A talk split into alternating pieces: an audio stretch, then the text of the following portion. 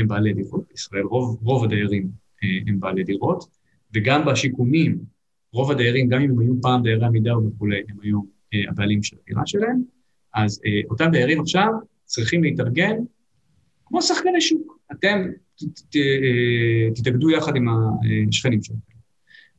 תחתמו על חוזה נדל"ן, עסקת קומבינציה נדל"נית מורכבת עם יזם, ואתם כשותפות עסקית אחת משותפת, תיישמו את המדיניות של מדינת ישראל, ובתמורה תקבלו את כל התמריצים שלכם, היזם, את הרווח הכספי הנאה שלו, ואתם את הדירה החדשה שלו, וזה המנגנון, וצאו לדרך ושלום לישראל.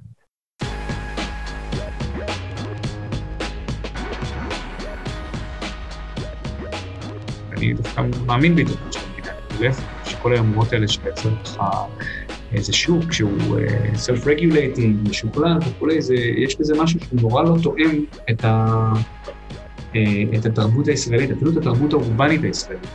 זה גם נורא בולט בהיבט של בעצם זה שאנשים באו לרשויות שלהם, לראות, תתערבו לנו בעסקאות הפינוי-בינוי, אנחנו רגילים לחיות במדינה מנוהלת. שלום וברוכים הבאים לפודקאסט האורבניסטי, הפודקאסט שלא רק בעניין של להעביר את הזמן בפקקים, אלא לנסות ולהבין למה הם קורים.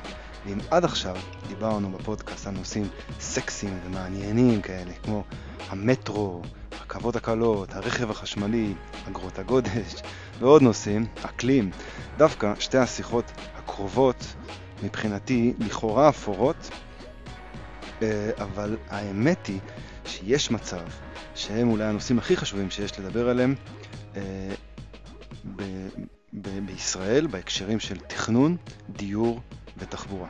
השיחה הראשונה היום היא על התחדשות עירונית של מרקמים ותיקים בשכונות קיימות, אה, והשיחה הבאה תהיה התכנון המזורז של בנייה חדשה על שטחים פתוחים במסגרת מה שנקרא הוותמ"ל. יש לנו התחדשות עירונית ובנייה חדשה על שטחים פתוחים. היום התחדשות עירונית.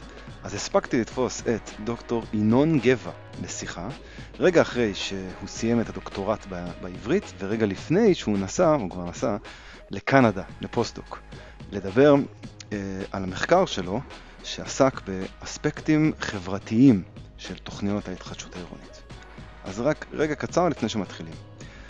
בשנים שאחרי מלחמת העולם השנייה עסקו רוב מדינות אירופה, אמריקה ואסיה בתנופה מסיבית של בניית מגורים.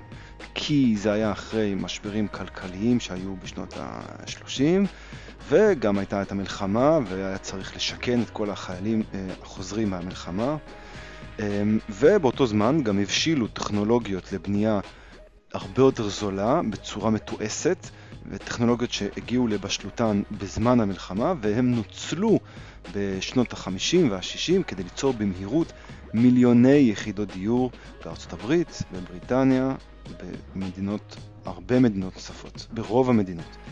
ישראל גם היא, באותם שנים, הייתה צריכה בעצם לבנות את המדינה, והממשלה אה, החדשה אה, התחילה במרץ לבנות את מה שאנחנו היום קוראים לו השיכונים המפורסמים שנמצאים בעצם עדיין בכל הארץ.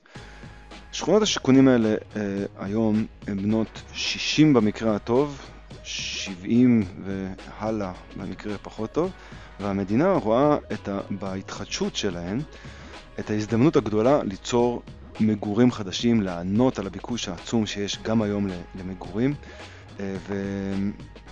ולספק את הדירות האלה באזורי הביקוש על רקע משבר הדיור, ש- עם מחירי הדירות ששוב מרקיעים שחקים. אבל אם אז הבנייה הייתה מהירה ומסיבית ובוצעה כמעט בבלעדיות על ידי המדינה והחברות הממשלתיות, היום דברים השתנו לגמרי. המדינה היא לא שחקן פעיל בשוק הדיור, כמעט בכלל. ולכן אה, באילוץ הזה, המדינה רק בעצם יכולה לספק את התמריץ הכלכלי ליזמים הפרטיים, ועל זה עוד נשמע עכשיו הרבה בשיחה. וככה מה שקורה זה שחברות פרטיות אחראיות על הריסת תכנון ובנייה של מגורים חדשים, ועכשיו יש, לא יודע אם מישהו שם לב לזה שכמעט בכל נושא שאני מדבר עליו בפודקאסט, אם זה היה תחבורה ציבורית והמטרו ואגרות הגודש ומדיניות הרכב החשמלי וכל מה שקשור לסביבה ומשבר האקלים, איכשהו תמיד מגיעים, וזה לא אני אומר, זה האורחים שהם בדרך כלל אנשים אה, טובים, תמיד מגיעים לעובדה הזו שזה לא טוב, זה פשוט לא טוב להשאיר את אה, דברים כאלה אך ורק בידי השוק. מדובר כאן על אה, רגולציה שצריך כדי לשמור על, על אספקטים סביבתיים וחברתיים, ומדובר כאן על זה שלפעמים גם המדינה צריכה, ועל זה אנחנו נשמע היום, לפעמים המדינה צריכה אה, לשחק תפקיד הרבה יותר פעיל בשביל לשמור על האינטרסים של האזרחים. אז היום אנחנו נשמע את זה בנושא של התחדשות עירונית, אה, בדיוק את זה, את הפן החברתי, הסוציאלי, כי בעצם נוצר כאן חיכוך בין אוכלוסיות, מי שמתגורר היום בשיכונים האלה, אוכלוסיות קשות יום וסביבות מגורים מדורדרות עם תשתיות במצב מאוד גרוע, והן מתחככות עם חברות יזמיות אה, מאוד עשירות, כסף גדול שמובטח בהתחדשות. ואני חושב שאפשר ללמוד כאן עוד פן על הבעייתיות של הנושא, אבל גם עם בעייתיות יש, יש הזדמנויות. ובשיחה אה, עם ינון אנחנו נבחן אה, האם השיטה הזאת עבדה טוב עד עכשיו. נעבור קצת על ההיסטוריה של אה, איך דברים התגלגלו, הרעיון הזה של התחדשות עירונית משנות ה-80 והלאה, וגם נדבר על מה, מה הולך לקרות מעכשיו, כי נראה, יש הרגשה, שאחרי הרבה שנים של התבחבשויות עם הסיפור הזה, כרגע נראה שמסה ענקית של פרויקטים כאלה עומדים לצאת לדרך. אז בואו נשמע מינון. כזה, שלום שמי וזה? כן, כן. אוקיי, בסדר, אז אני ינון גבע. אה, החל מהשבוע דוקטור ינון גבע, אה, גיאוגרפיה אה, מהאוניברסיטה העברית. את הדוקטורט ואת המאסטר כתבתי במחלקה לגיאוגרפיה תחת ההנחיה של פרופסור גלעד רוזן, ושניהם למעשה עוסקים במדיניות פינוי-בינוי בישראל, בהיבטים שונים שלה.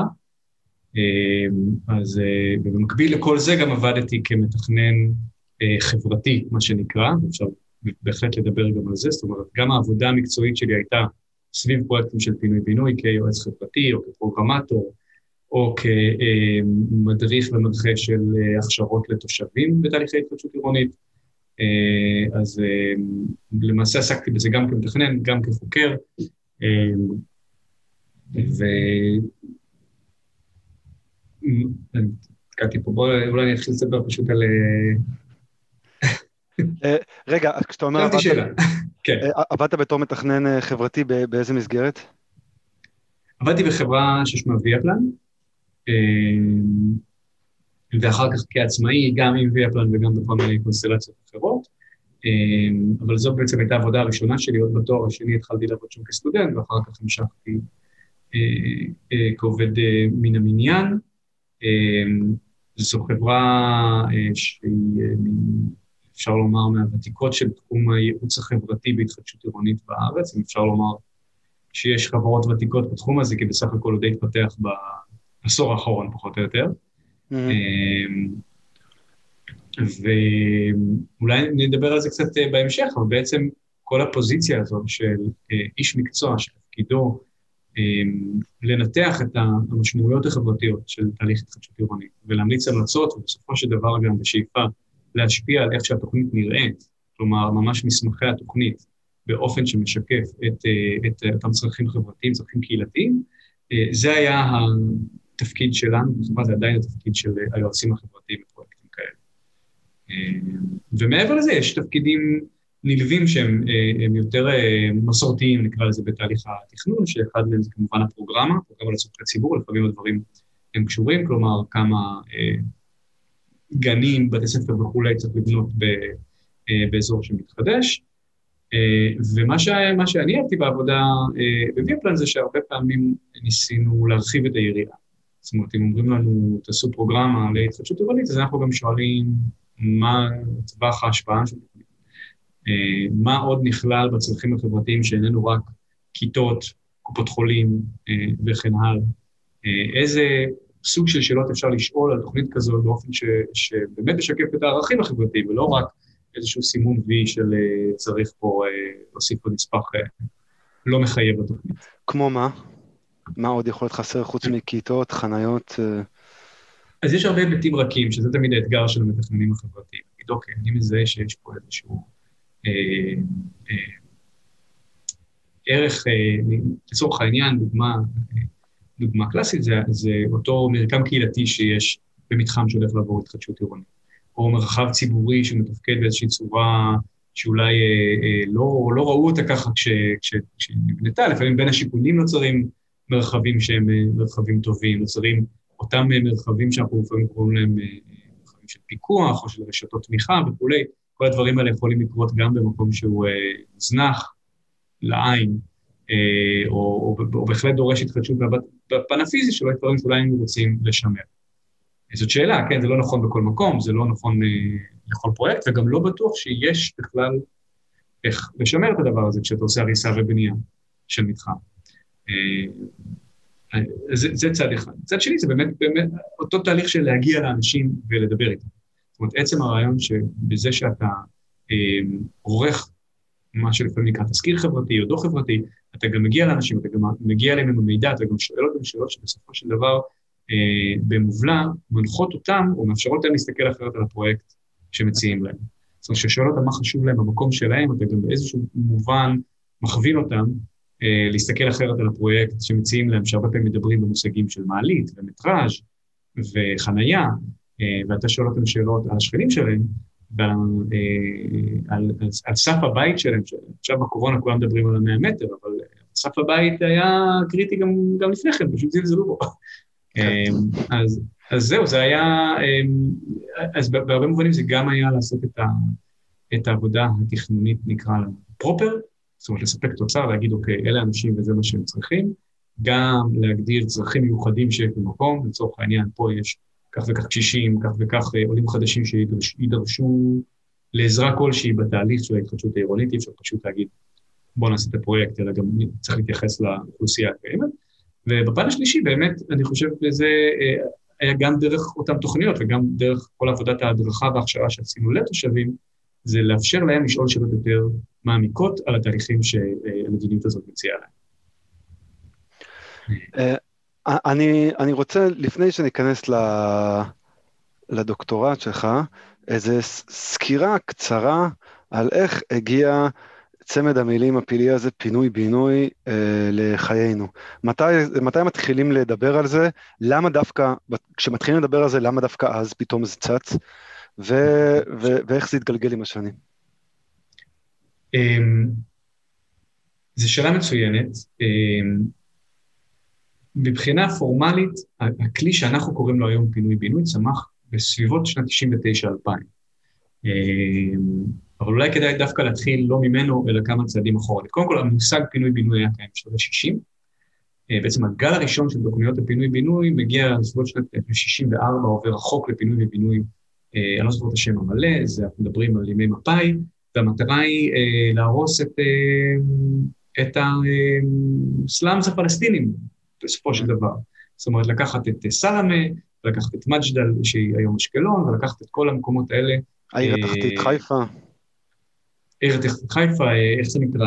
חיפה אל-עתיקה. חיפה אל-עתיקה, בדיוק. ו... אז אני לא יודע להגיד בדיוק איפה זה קורה, אבל, אבל אלה, זאת המטרה. ואם תפתח, בדיוק פתחו את ארכיון דבר, אז אם אתה מחפש שם פינוי-בינוי, אתה רואה שבשנת 64 אומרים, מה זה, יציעו לנו גרושים וגרשו אותנו מהבית שלנו, אה, וזאת התוכנית. אז היא כמובן נתקלת בהרבה התנגדות, היא מאוד בעייתית מבחינה אה, פוליטית. אני לא מכיר בדיוק את ההיסטוריה שלה, אבל באיזשהו שלב היא די נזנחת. אה, רוב המדינה היא מדינה חדשה, אין זאת בהרבה פינוי-בינוי. הגל השני של ההתחדשות העירונית שמגיע, הוא מה שמכונה פרויקט שיקום שכונות, כבר מהליכוד, 77 ואילך, בצורה הרבה יותר מסיבית משנות ה-80. ושם הגישה היא מאוד אחרת, במקום הריסה ובנייה, בעצם אותם שיכונים שכבר בשנת 70 ומשהו הם, הם כבר נחשבים אה, שיכוני עוני, שיכונים חדשים שנבנו עם קום המדינה. כן. אה, אז אותם אה, מתחילים בעצם לשקם, בפרויקט שהחידוש שלו, אולי אפילו בקנה מידה בינלאומי, הוא השילוב בין החידוש הפיזי לחידוש החברתי. זאת אומרת, יש פה יומרה גם להגדיל את הדירות הקיימות, דירות השיכון, גם לייצר הרבה מאוד מבני ציבור חדשים, אה, מתנסים, בתי ספר, המון המון המון בנייה ציבורית מתרחשת בתקופה הזו, ולכל הדבר הזה נלווה אה, עיקרון של דמוקרטיה מקומית. זאת אומרת, כל שכונה כזו אה, נכנסים עובדים סוציאליים קהילתיים ומקימים ועדים, והמטרה היא לעשות בעצם מין הנהגה מקומית שהיא מחליטה איך להקצות את, ה, את הכספים שמושקעים בשכונה, והרעיון הוא לאפשר לאנשים אה, לצמוח במקום ולהעצים את השכונה כשכונה גם במובן הפיזי וגם במובן הקהילתי. אה, אבל, אבל, אבל לא, כן. מדובר על, אה, לא מדובר על הרס של כל המבני שיכונים. לא, בכלל לא הרס, בכלל לא הרס, להפך, המטרה היא לשקם, לשפץ, הגישה היא גישה של להפיק את הטוב ממה שקיים. הסיפור הזה בסופו של דבר לא מצליח. שוב, מכל מיני סיבות, וזה לא כל כך משמעותי, רק פשוט למקם את זה בנקודת הזמן ההיסטורית, הפרויקט הזה מתחיל לדעוך אה, עם תחילת העלייה הגדולה ותחילת הבנייה המסיבית, הפרבור של שנות ה-90, שמה שהוא עושה, כמו שאנחנו יודעים, זה לוקח את מרכזי הערים הוותיקות ופשוט מרוקן אותם מכל מי שיכול לברוח. זאת אומרת, אה, לוד ורמלה, שהייתה שם אוכלוסייה, נקרא לה מעמד ביניים נמוך, אז כל מה שיכול להיקרא מעמד ביניים אה, ברח למודיעין ולשוהם ולכל המקומות האחרים. אמ, ובעצם המסקנה, והפרויקט הזה מלווה בצוות מחקר אדיר, שכולם היום פרופסורים אה, כבר אה, בדימוס באוניברסיטאות בישראל, היו אנשי המחקר שליוו ועשו הערכה של כל הפרויקט, והגיעו למסקנה, בסופו של דבר הפרויקט הזה לא משיג את מטרתו החברתית. והשכונות נשארות שכונות חלשות, גם אם האוכלוסייה בתוכה, חלקה, אה, הצליחה להתחזק ולצאת מהשכונות. יש, יש, רגע, אתה מדבר על פינוי-בינוי שנעשה בשנות ה-90? אנחנו עדיין בשיקום שכונות. שיקום שכונות. וזה מביא אותנו, כן, וזה מביא אותנו לשנות ה-90.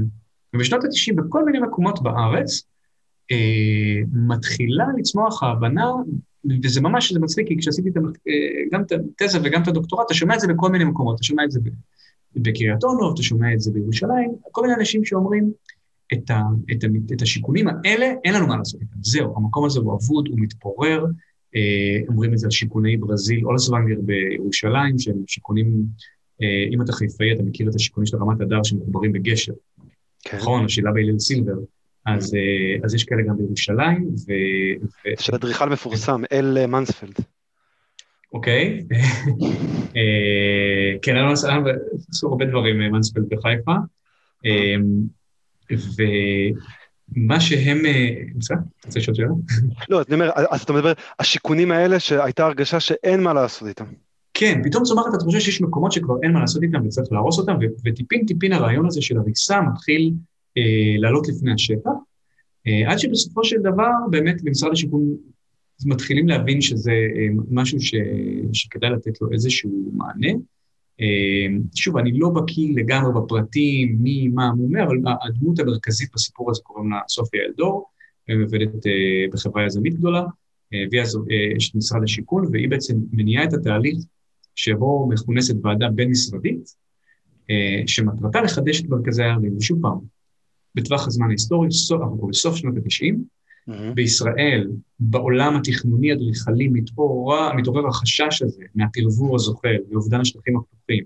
מתחילה להתעורר הקריאה הזו לחזור ולהתכנס בתוך הערים פנימה ולא אה, לנצל מדי את, את השטחים הפתוחים, לעשות אה, ציפוף בעצם, ומתכנסת ועדה בין-משרדית למצוא פתרון לבעיה הזו, ושם צומח הכלי הזה שנקרא פינוי-בינוי בתוצרתו, בצורתו הנוכחית.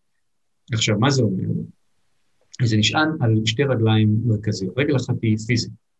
אה, פיזית זה אומר, אנחנו לוקחים את אותם שיכונים שאנחנו יודעים להגיד עליהם שהם בנויים בצפיפות נמוכה ברוטו, כי יש לך בניין שיכון כזה של 8-12 אה, דירות על שטח אה, פתוח גדול, והוא בנוי בצורה לא עירונית, נכון, הוא לא ב grid וכולי, אבל בעיקר בעיקר הוא לא צפוף, הוא לא, הוא לא, אין פה ניצול טוב של השטח העירוני מבחינת אה, מספר תושבים. אתה יודע, אני, אני מודה שאני לא גדלתי בשיכון, כן. אבל אם תשאל אותי מה ה image שלי של שיכון כזה, זה, זה גינות mm-hmm. גדולות שהילדים משחקים כדורגל בין השיכונים, נכון.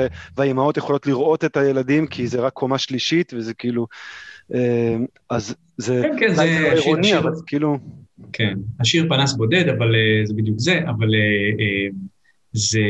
עכשיו אנחנו מסתכלים בנקודת המבט של המתכנן, באמת ישראל המתכנן תמיד יושב במשרד ממשלתי מלמעלה, והוא מסתכל על יחידות הדיור שהוא צריך לייצר, אומרים, אוקיי, שם זה המקום שאפשר לייצר את יחידות הדיור האלה, זה פן אחד פיזי. פן נוסף פיזי, זה מצב הדירות עצמן, זאת אומרת, אומנם בשנות ה-50, גם אמא שלי שיחקה בשיכונים כאלה בחיפה, אבל...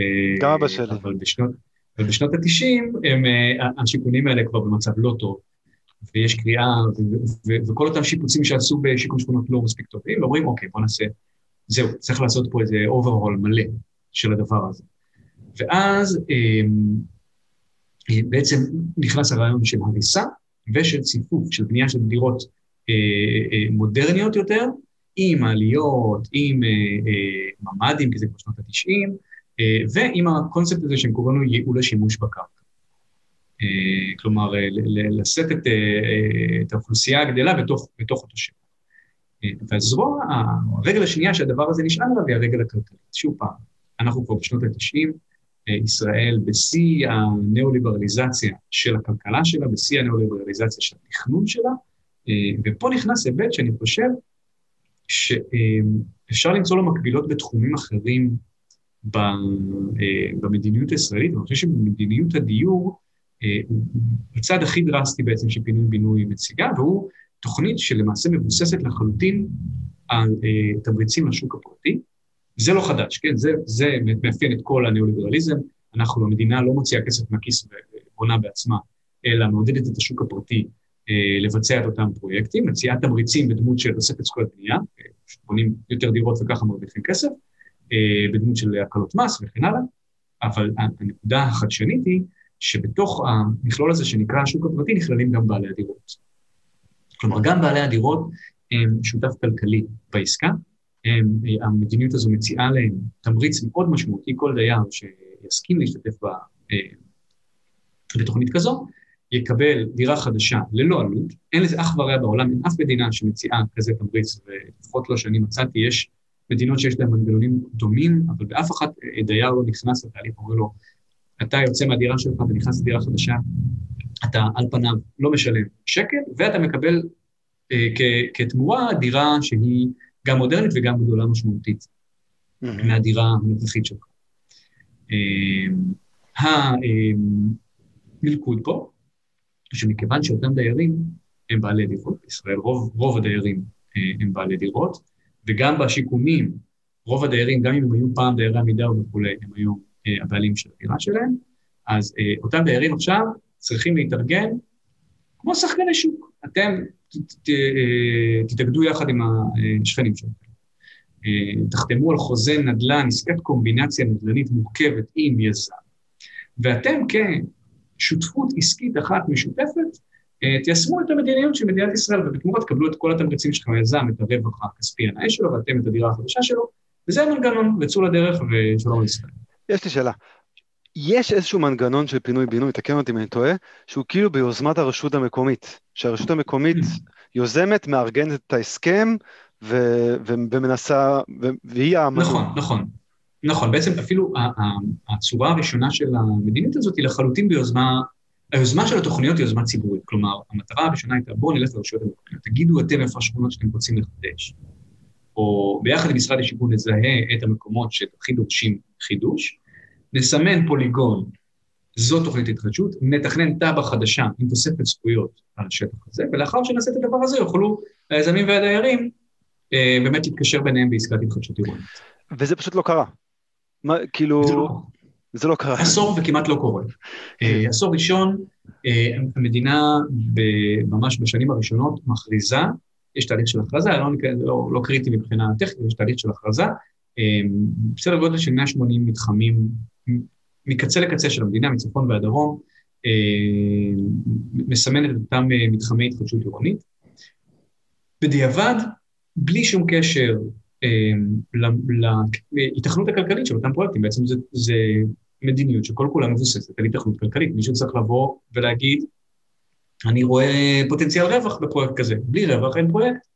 ולא רק שהתוכנית הזו בכלל לא מייצרת איזשהו מנגנון של אה, הערכת אה, כדאיות כלכלית, זה צומח הרבה אחר כך, מה שנקרא עם תקן 21,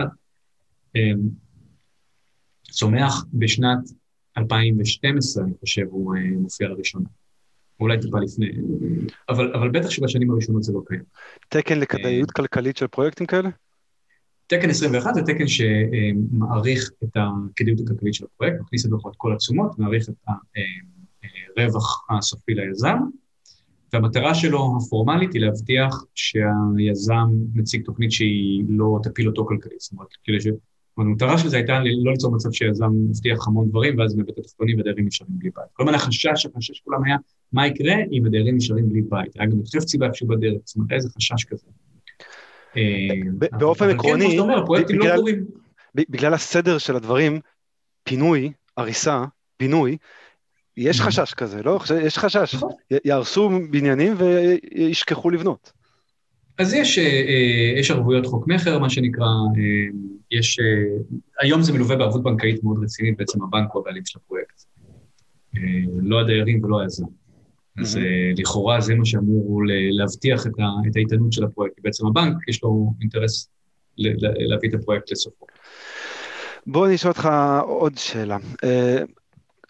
מתחמים כאלה, כאילו פרויקטים גדולים של פינוי-בינוי, כמה, כמה קרו כבר uh, בישראל uh, ככה, אתה יודע, מאז שאנחנו מדברים עכשיו, זה מתחילת שנות האלפיים, כמה קרו? כן. אז בעשור הראשון אני חושב מתחילים, נכנסים לביצוע אולי שלושה מתוך אותם 180. Mm-hmm. איפשהו בדרך גם יזמים בעצמם אומרים, סליחה, אנחנו לא רוצים שאתם תגדירו לנו איפה לבנות, אנחנו רוצים להציע לכם איפה לבנות. ב-2006 נכנס מסלול שנקרא מסלול, אה, מסלול מיסוי או מסלול יזמים, זה הכינוי שלו, שבעצם גם יזמים יכולים לתכנן ולהציע אה, מתחמים. ואז זה טיפה מגדיל את הכדאיות שלהם, אבל גם בגלל התמשכות תהליכי התכנון בישראל, גם בגלל שעד 2008 למעשה ישראל נמצאת ב... אה, אה, שוק הדיור הישראלי נמצא במיתון, אה, מחירי הדירות מדשדשים, וגם בגלל באמת אותה חשיבה ככה מאוד רוחבית, אבל לא מעמיקה של, של הגל הראשון של התוכניות, שום דבר לא קורה, בסדר? מצלאוי בונה פרויקט אחד, יזם מצלאוי בונה פרויקט אחד בקריית אונו, בונה פרויקט אחד בכפר סבא, אמ, וזהו בגדול. בעשור השני הדברים מתחילים טיפה לזוז, עד, אני חושב, שנת, אה, אני יכול לבדוק לך את המספרים, אבל עד שנת 2016-2017 אנחנו מדברים על משהו כמו 17 תוכניות שמיושמות. Mm-hmm. סדר גודל של 3,000 יחידות דיור, זה משהו מינורי מאוד במונחים של אה, שוק הדיור הישראלי. Mm-hmm. 3,000 יחידות דיור שמופקות מהפרויקט, זאת אומרת, זה לא 3,000 דירות שנכנסות לפרויקט. כן. אה, והיום אנחנו, אני חושב, במספרים אולי כפולים מזה, מבחינת, אה, אם אתה לוקח את כל הפרויקטים שהתחילו בנייה. אה, בטח לא עברנו, אני חושב שלא עברנו אפילו את העשרת אלפים יחידות דיור שנקרא. אבל היום יש לנו מסה מאוד מאוד גדולה של תוכניות שנמצאות או בתהליכי אישור מתקדמים או בתהליכי מבחינת היתר ביצוע. אני חושב שאנחנו נראה קפיצה דרמטית בקרוב. בקרוב. כי אנחנו עכשיו כאילו לקראת איזה פיצוץ בנושא הזה, או לפחות זה הציפייה. נכון. אה, כן. אני עכשיו רוצה לשאול על אולי אה, אה, כאילו תיאוריות, לא יודע, עירוניות כלכליות של העיר, הרווי, הפאורי, אני פשוט, אני מתעניין כן. בדברים האלה. אני לא יודע אבל איזה שאלה. בוא נדבר על ג'נטריפיקציה, למה ללכת סחור סחור? בוא נדבר על ג'נטריפיקציה. כן. לא, תראה,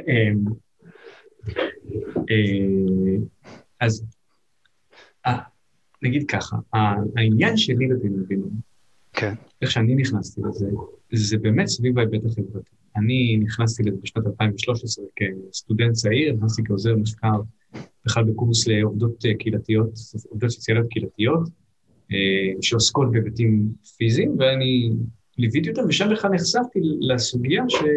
של, של פינוי בינוי פעם ראשונה. ואיך נחשפתי לזה? מאותן עובדות שעבדו בשכונות שעברו התחדשות עירונית, ואמרו, תשמעו, באים אנשים, מחתימים את הדיירים על כל מיני חוזים, אה, והם לא יודעים על מה הם חותמים, הם באים אליי אחר כך בתור נציגה של הרשות המקומית. אתם העיר, אתם העירייה, אתם מקדמים את הפרויקט, נכון? אז אה, מי זה, על מה חתמתי בעצם? אה, והעובדת הקהילתית, שהרבה פעמים גם בעצמה לא יודעת על מה מדובר, היית הולכת עם זה למינהל הנדסה, או למי שמכירה בעיר, או סליחה, מה, מה, מה אני אומרת להם? מה, הנה החוזה, מה, מה להגיד לו? והתשובה הייתה, אמ, אל תתעסקו בזה בכלל. מה, מה זאת אומרת, אנחנו רשות מקומית, אנחנו לא מתעסקים בחוזים קנייניים בין יזם לבין. זה בכלל לא, אל תסתבכו עם זה, זה פתח לתביעות ולשחיתות, ואנחנו לא נוגעים, הייעוץ המשפטי העירוני אומר, אסור לעובדי עירייה בכלל להתערב.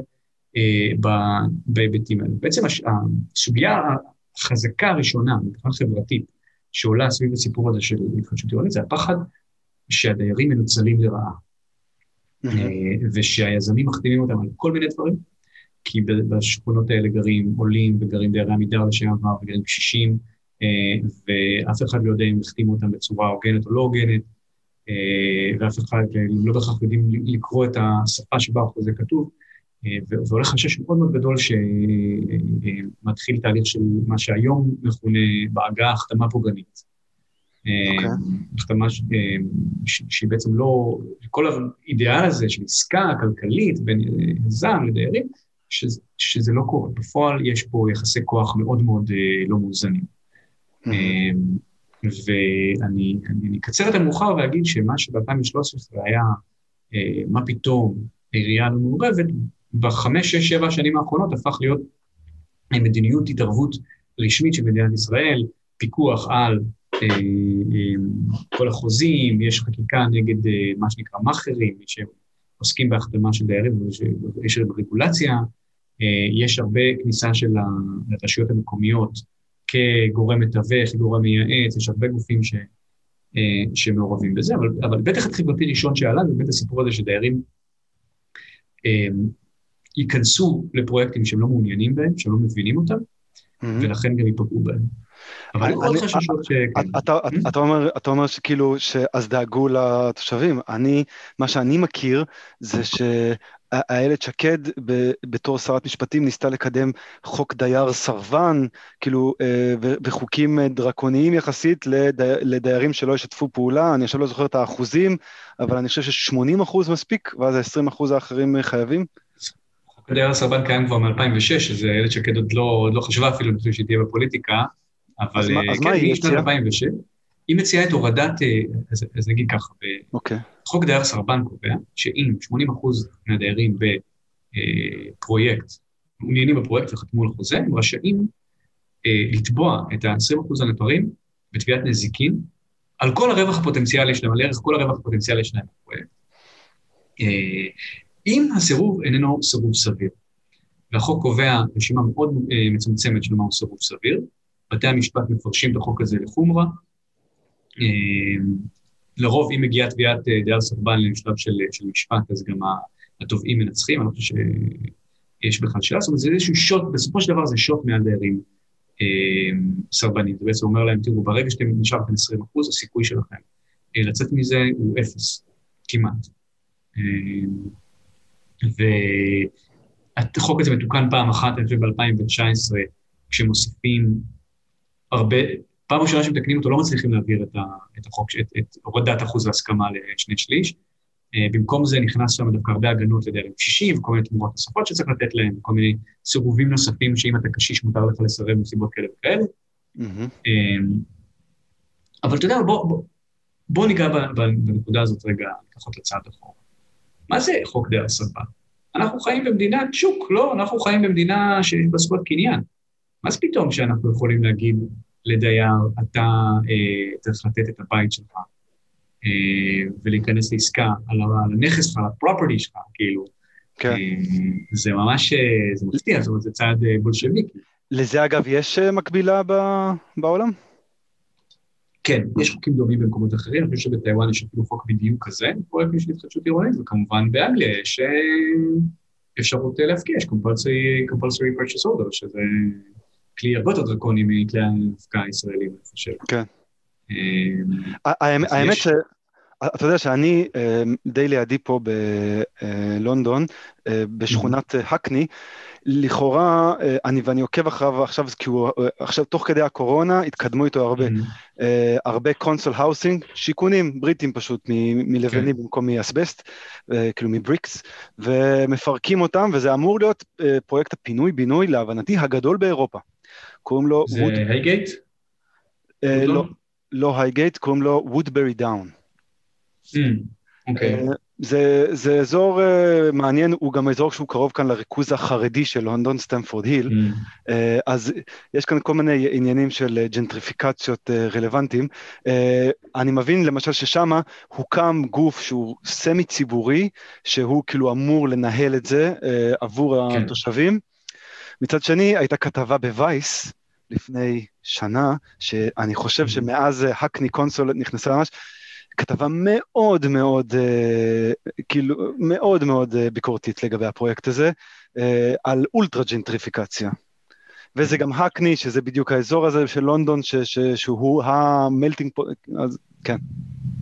ההשוואה ל council estates בלונדון היא, היא טובה, היא חשובה. למה? כי בדיוק כשאנחנו מדברים על ג'נטריפיקציה, לרוב הכוונה היא, או באופן מסורתי הכוונה לתהליכים שהם, אנחנו יודעים שהם לא ספונטניים, כן, אבל הכוונה היא שהם לא מתרחשים באופן אה, מאורגן בקנה מידה כזה, אלא משהו שהוא הדרגתי, תהליך שהוא, אה, גם אם הוא מונע על ידי כוחות, נקרא להם מקרו-כלכליים, אה, אה, או כוחות פוליטיים כאלה ואחרים, הוא מתרחש ברמת דירה-דירה, בניין-בניין.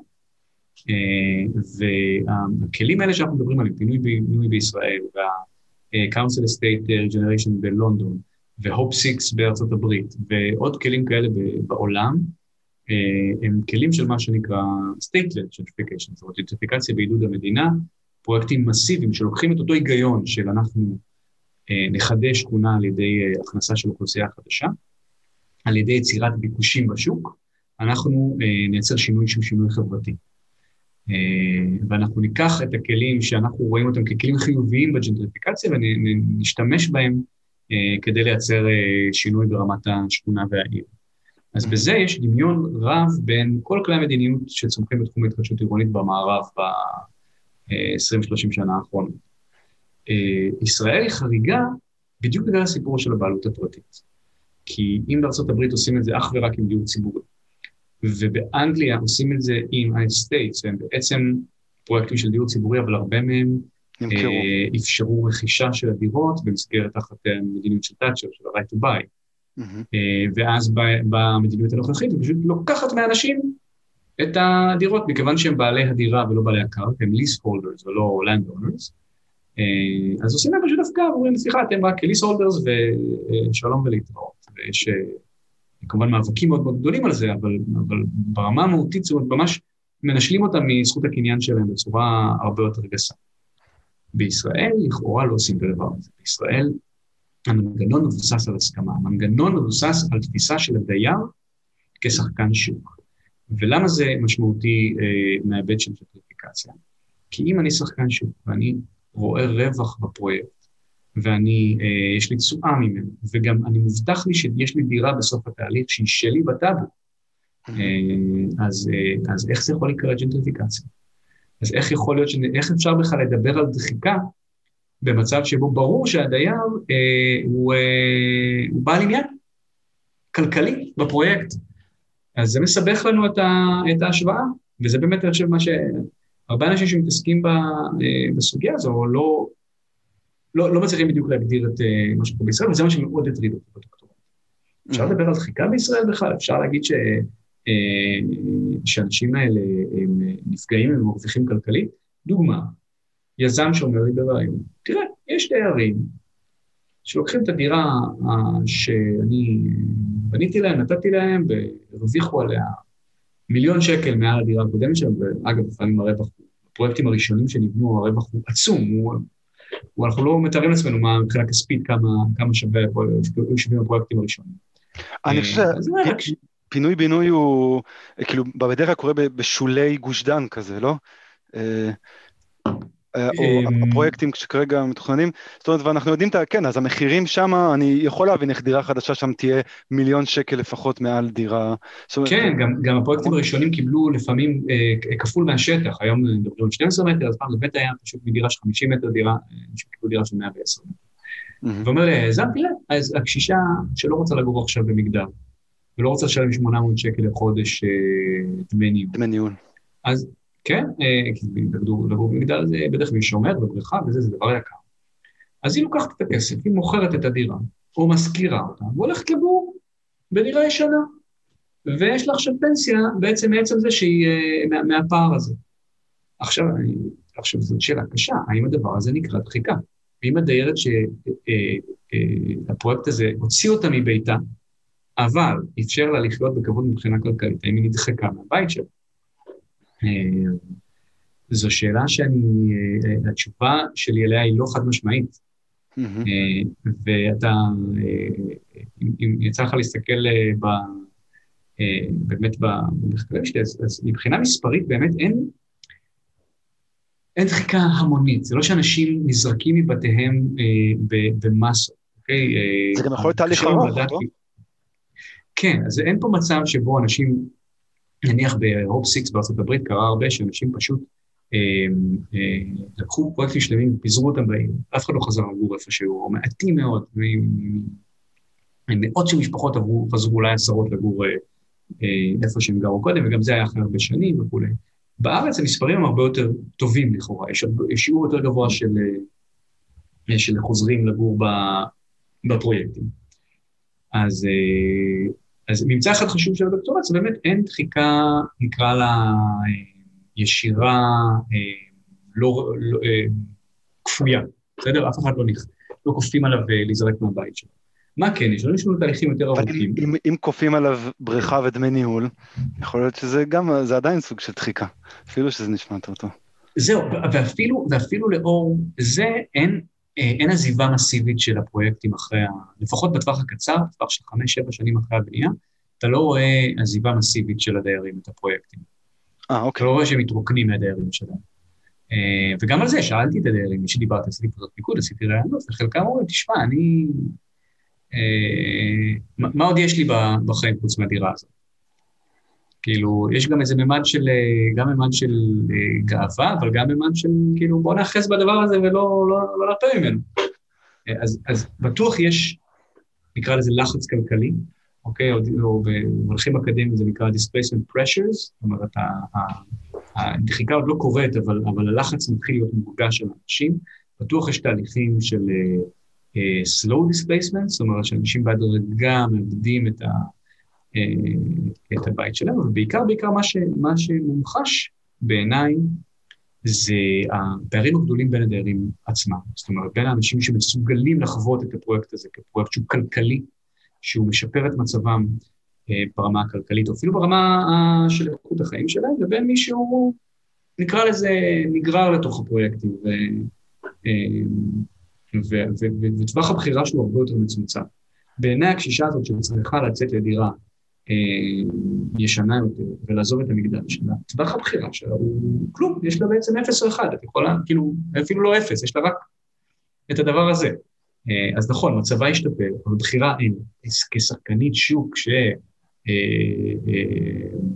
שלכאורה אה, אה, הייתה אמורה להיות פה כאילו, איזה, לראות תשואה מהפרויקט, אני, אני, זה מאוד קשה לי לדמיין אותה בצורה הזאת. אמ, אני רוצה לשאול אותך, יש אה, אחד הפרויקטים שהכי מדברים עליהם בהקשר של פינוי-בינוי שעומד לקרות, mm-hmm. הוא אה, קריית משה ברחובות, mm-hmm. נכון? Okay. כן. עכשיו, קריית משה, שכונה אה, של בעיקר אה, אתיופים אה, mm-hmm. ומאוד מדורדרת. לא חושב שבעיקר, אבל, אבל יש שם מיעוט גדול של אתיופים. אה, אוקיי, האמת שאני לא יודע. כן, אבל זה כאילו מפורסם. אני די בטוח שהם לא רוב, אבל כן. ומה שאני מבין ממה שקורה שם, זה שבגלל שכבר שנים יש דיבור שהולך לקרות פינוי-בינוי, הולך לקרות פינוי-בינוי, אז מהציפייה המחירים עולים. ובגלל שהמחירים עולים, אז נהיה כאן איזושהי הסתבכות עם האם, אה, האם מה שהבטיחו ליזמים שם, שאני חושב שזה שש, שש דירות על כל דירה, כאילו מבחינת זכויות בנייה, האם, אה, האם זה עדיין פייר? אמ, ועוד עוד משהו שאני מבין שקורה שם זה, אוקיי, אז קנייה ואנשים אה, ספקולטיביים שקונים, אה, כאילו משקיעים ספקולטיביים שקונים בתקווה שיהיה פינוי-בינוי ויהיה רווח עצום, ו, ו, והזנחה של התשתיות בשכונה, כן. כיוון שאומרים, טוב, יהיה פינוי-בינוי עוד רגע, יאללה, זהו, כאילו, אין מה להשקיע עכשיו. אין מה אפילו לתקן כן. אה, קו ביוב. כן. תראה, אתה נוגע פה בנקודה מאוד חשובה. כאילו התחלתי, ושם רציתי לקחת את זה, אבל התחלתי עם זה שיש את הרגל הפיזית והרגל הכלכלית, וכאילו הרגל החברתית הייתה שם חסרה, זאת אומרת, אף אחד לא אמר בוא נעשה פה, להבדיל משיקום שכונות, אף אחד לא אמר בוא נייצר פה קהילה, זה, זה היה ממש בשולי הדברים, בטח לא בוא נעצים את הדיירים. או העצמה כאילו הייתה מובלעת במטרות הכלכליות. בואו נהפוך אותם לעשירים יותר, זה, זהו, מזה נגזר כל שאר התועלות אה, שהפרויקט הזה מפיק. Mm-hmm. אבל, אבל אני חושב שמעבר לזה, גם הצד הפיזי הוא מושם בסימן שאלה ברגע שאתה מגדיר את הכל סביב כדאיות כלכלית. כי סבבה, כשאתה עושה פרויקט בתל אביב, אפילו בשכונת נווה שרת, בסדר? שפרויקט טאבו שאושרה ב-2006, הייתי מעורב. מכפיל, מה זה? כן? כן, הייתי מעורב כאילו באיזשהו אה, ייעוץ סביבתי לפרויקט הזה. בנווה שרת. אז, אז אפילו הפרויקט הזה, שיש פה מכפיל אה, כשהוא היה ותיק, יש לו מכפיל של פחות משלוש. כלומר, כל אה, דירה, אה, זאת אומרת, בפרויקט נכנס, היו, מצב קיים, היו 100 דירות, אז בונים אה, 260 או 270 דירות. אה, מתוכם 100 הולכות כתמורה לדיירים הוותיקים, והיזם בעצם מקבל רק את ה-160-170 האלה למכור בשוק החופשי. זאת אומרת, הדירות, הדירות שוות כל כך הרבה, שלא צריך לבנות כל כך הרבה בשביל שזה יהיה כדי ליזם. להבדיל, קריית משה, המכפיל הוא 1 ל-6. אה, על כל דירה ותיקה בונים 6 דירות חדשות. זאת אומרת, היזם מקבל על כל דירה ותיקה 5 דירות למכור, וההנחה היא שהדירות שוות מעט מאוד כסף. עכשיו, אה, עוד לפני שאני נוגע באם זה בכלל, מה קורה לאורך הזמן, ואיך הפרויקט משפיע על הכלכליות של עצמו וכן הלאה, אה, בכלל, מה נשאר למתכנן לעשות? זאת אומרת, אתה מתכנן, וזה יגיד לך כל מי שיתעסק בהתחדשות עירונית. אתה מקבל תקן 21, מפיק לך, מישהו עושה אקסל, איזה שמאי עושה אקסל. אה, אחרי זה מתחילה מסחרה בין היזם לבין הוועדה המקומית לתכנון ובנייה על האקסל הזה. מגיעים ליחס אחד למשהו, וזה מה שמגדיר את הפרויקט. עכשיו תדחוף את כל הדירות האלה באיזושהי צורה לשטח הזה, פלוס מה שעוד לא צריך להיכנס לפרויקט הזה, אם זה תוך מיני אה, תשתיות, ובטח אם זה מבנה ציבור וכולי, הכל צריך להיכנס לתוך אותה אה, חטיבת קרקע. זאת אומרת, גם ברמה התכנונית אנחנו רוצים לחדש את הערים, אמרנו, נכון, אנחנו רוצים לייצר סביבה עירונית טובה יותר. מה אתה כבר יכול לעשות? לבנות, אנחנו רוצים לבנות, אה, לבנות דירות, אבל שיהיה דירות טובות, שגם יהיה להם ערך שוק אחר כך. כן. כן, זאת אומרת, אתה יודע, גם זה goes through the window מהר מאוד. זאת אומרת, צריך לדחוף דירות, צריך לדחוף דירות. פתאום נכנס לדבר הזה שנקרא אה, מגדל עם חמש דירות בקומה, או שש דירות בקומה, שזה כאילו לא נשמע כדבר הזה בישראל. וזה יוצר חללים מאוד מאוד משונים. לא יודע אם היית במגדלים עם חמש דירות בקומה. זה אחד הדברים אה, שהתעסקנו איתם בנווה שרת. אה, אז תלך לנווה שרת ותראה איך נראות הקומות שם. זה, זה נראה כמו מבוך. זה, זה נראה כמו, אתה, אתה, אתה יוצא במעלית ויש לך את הפיתולים האלה שאתה בכלל, אתה לא יודע איפה אתה נמצא בקיצור. זה גם, העניין הוא שעד שיש לך מגדל, ואפשר, ואני רוצה שנדבר אחר כך אולי על, אבל זו כבר שאלה גדולה, למה, בסוף מה שקורה זה שבונים מגדלים, אבל עד שיש לך מגדל, מגדל גבוה ויכול להתאוורר, אתה יכול לעשות דירות שיתאווררו באמת טוב, ואז אתה יכול לחסוך כן. באנרגיה ולבנות אה, מגדלים טובים, אבל אז אה, דירה, עם, דירה פצפונת עם כיוון אחד, כי יש, כשיש לך חמש דירות בקומה, יש לך לפחות דירה אחת עם רק כיוון אחד. כן, מה שמכונה בעגה דירה כלואה. דירה כלואה. דירה כלואה. כן. אבל אה, תראה, יש מקומות בעולם שחיים דירה עם כיוון אוויר אחד, ויכול להיות שגם אפשר לבנות, אני לא יודע, אני לא אדריכל, כן? יכול להיות שאפשר לבנות את זה בצורה אה, שהיא טובה יותר, אבל, אה, אבל מלכתחילה, אם אתה, עם כל השאלה שלך, איך אתה דוחף את כל הדירות האלה לשטח, והרבה פעמים זה, זה מגרשים מאוד קטנים. למה אוהבים את השיכונים, אה, מה שנקרא רביעיות, שיכונים שיש בהם אה, שתי קומות רק? כי זה נותן לך שטח עצום על מעט מאוד יחידות דיור. יזמים מתים על זה, תראה שכל הפרויקטים ש... מסלול יזמים זה אנשים שככה, או פרויקטים הראשונים שיצאו, הרבה פעמים צפיפות ברוטו נכנסת מאוד מאוד נמוכה. Mm-hmm. הבניינים היו מסודרים במין צורה אקראית כזאת על הקרקע, וזה נתן המון המון המון שטח כזה. לא, זה לא אומר ששם יצאו בניינים יפים וטובים, אבל, אה, אבל מבחינת היזם זה נותן יותר מרווח, אה, אה, מרווח פעולה. אבל בכלל, אנחנו רוצים לעשות עיר טובה, ופתאום אנחנו מגדירים את עצמנו לא לפי כמה נכון להוסיף דירות בשכונה מסוימת. אולי דוגמה, הקלאסית לסיפור הזה היא שכונת אה, קריית היובל בירושלים. Mm-hmm. קריית היובל היא אחת השכונות הראשונות, אני חושב, בארץ, שנעשתה לה תוכנית התחדשות שכונתית. אה, בעצם תוכנית אב, שלוקחת את כל מתחמי הדיור, בעצם כל הדירות בכל מה שנקרא רוב היובלים גנים, מדובר, אני חושב, על אה, סדר גודל של 5,000-6,000 יחידות דיור במערב ירושלים, במערב ירושלים, ולכל מתחם כזה מגדירה האם הוא מתחם לעיבוי, האם הוא מתחם לשימור, או האם הוא מתחם להריסה ובנייה. אמ, והעסק שם, זה הקפיץ את, את, את תעשיית הפינוי-בינוי בירושלים, זה בעצם מה שהניע את כל מה שדיברתי עליו קודם, אותן עובדות קהילתיות. ו... אמ, אבל בגלל שזה ירושלים, ואנחנו מדברים על 2009, 2010, כן, אין כל כך ערכי קרקע גבוהים. אה, אז כל פרויקט כזה שמציעים אותו במכפילים של 1 ל-5.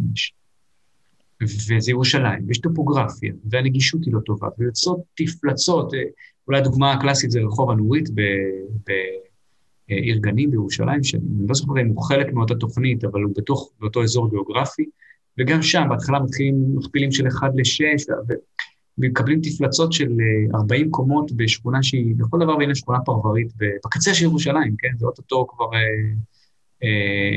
היערות, כן, רכס לבן וכולי, שאחר כך הציעו אותו כקרקע משלימה, הוא בעצם, זה בקצה ירושלים, זה לא מרכז העיר. אמ, ומגיעים שם למכפילים משוגעים, והאדריכלים והמתכננים, אני לא מדבר על האנשים החברתיים, פשוט עומדים חסרי אונים מול הדבר הזה. מה אתה יכול להציע לשכונה שהיא בסך הכל שכונה שיש לה אופי אה, אה, מבחינה אורבני שהוא, יש לו איזושהי תשתית מתפקדת, כן? יש לו איזשהו שלט שעובד. שכונה מאוד פרברית, אבל יש, משהו, יש בה משהו ש, שהצליח אה, להחזיק אותה כשכונה טובה לאורך כל כך הרבה שנים.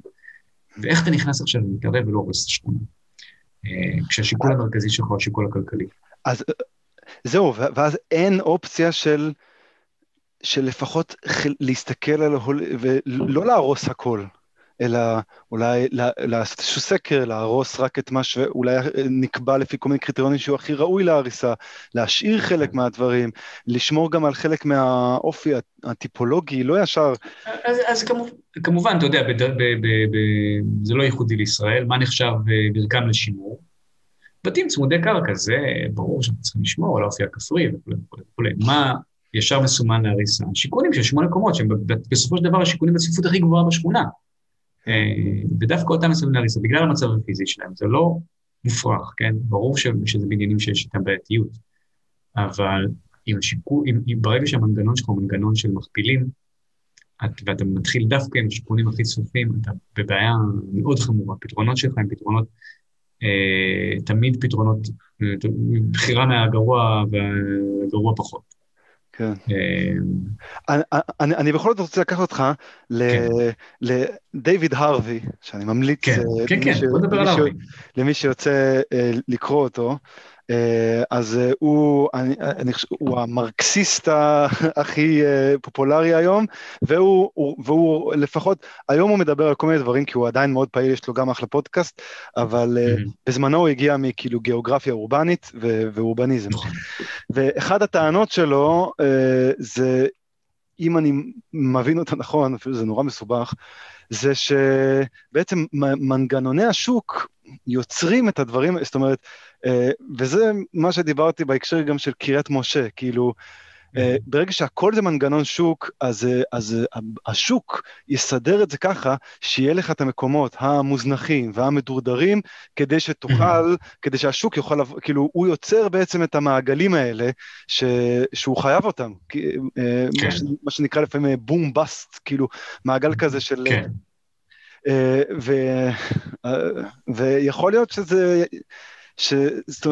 כשאנחנו נורא רוצים לעשות דברים ככה מהשוק, שהממשלה לא צריך להתערב, זה, זה הפרטה של התכנון, שכאילו באמת בסוף בסוף עם כל המכפילים האלה, אין כל כך הרבה מה לתכנן, פשוט רק צריך לדחוף את הדירות אה, ושאיכשהו הם ייכנסו בשטח נכון. שיש לך.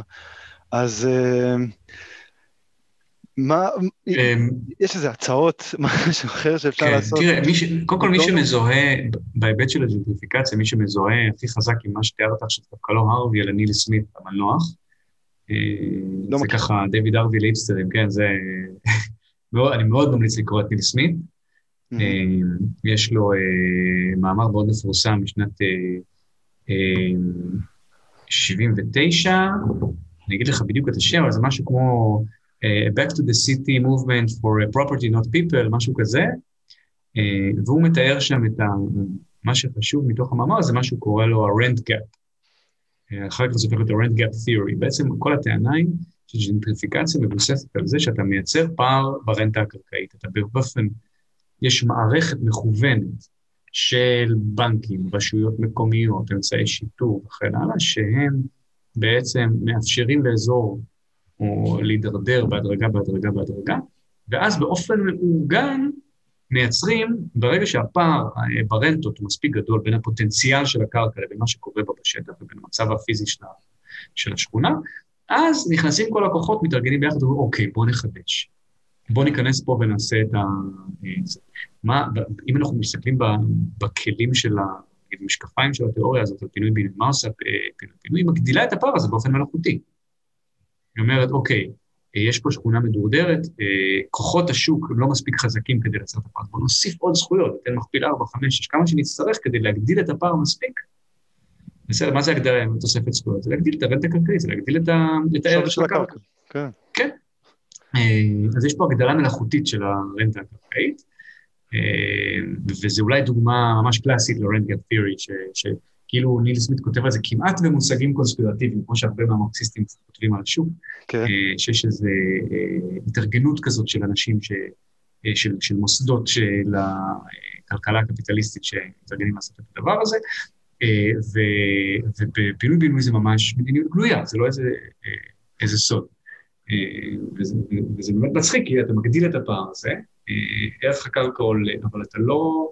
זאת אומרת, המדינה כמעט אף פעם לא נסוגה, היא לא יכולה, ברגע שאתה מציע זכויות, זה חוק, אתה נתת זכויות בטאבו, זה זכויות מוקנות, אתה לא יכול לחזור אחורה, כי יש חוקי קניין במדינת ישראל. לקחת את זה, זה, זה לקחת לאנשים את הרכוש שלהם בעצם.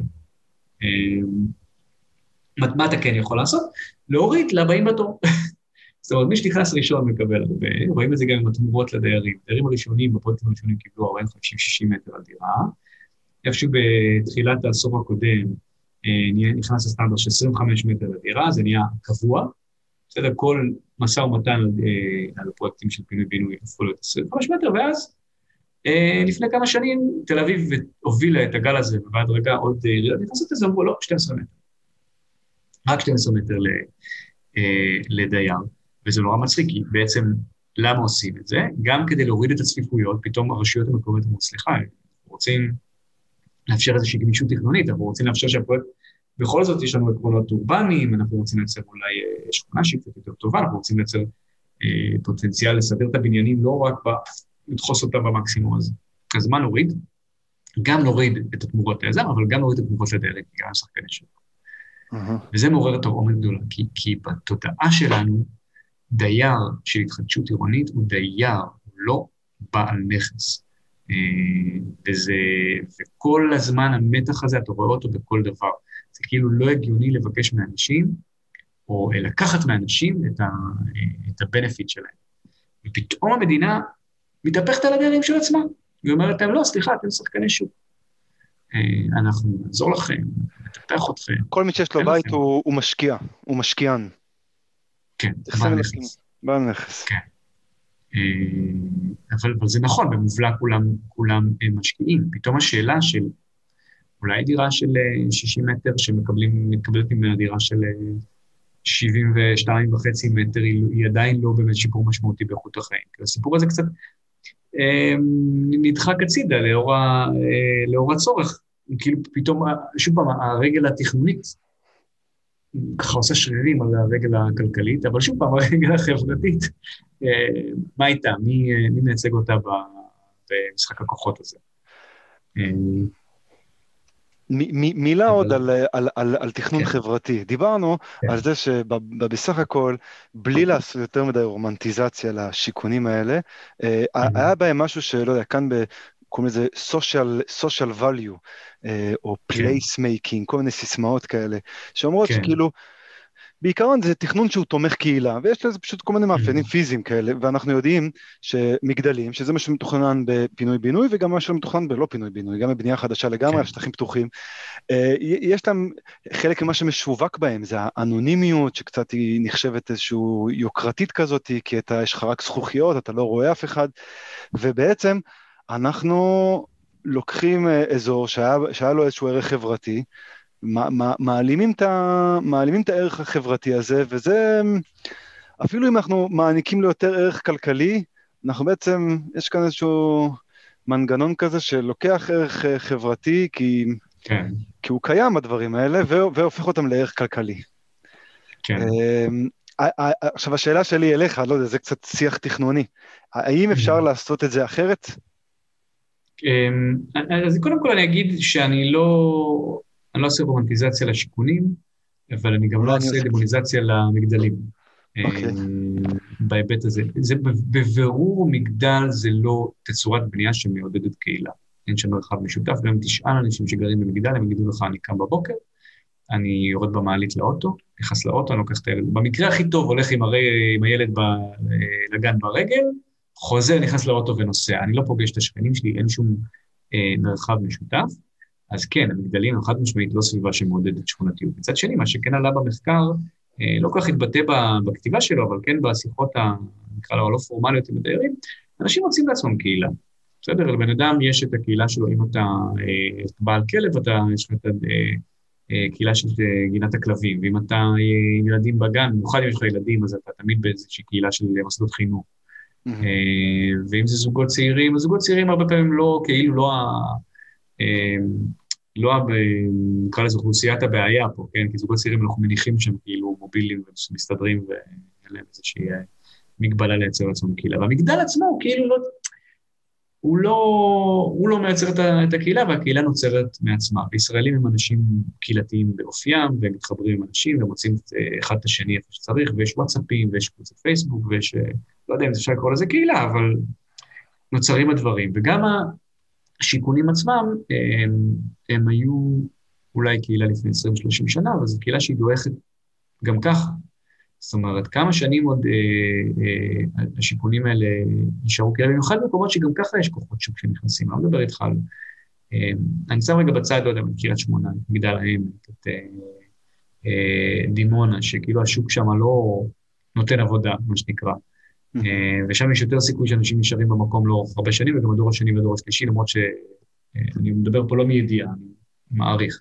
במרכז הארץ, בסוף כל האזורים עוברים איזושהי מידה של אפליקציה.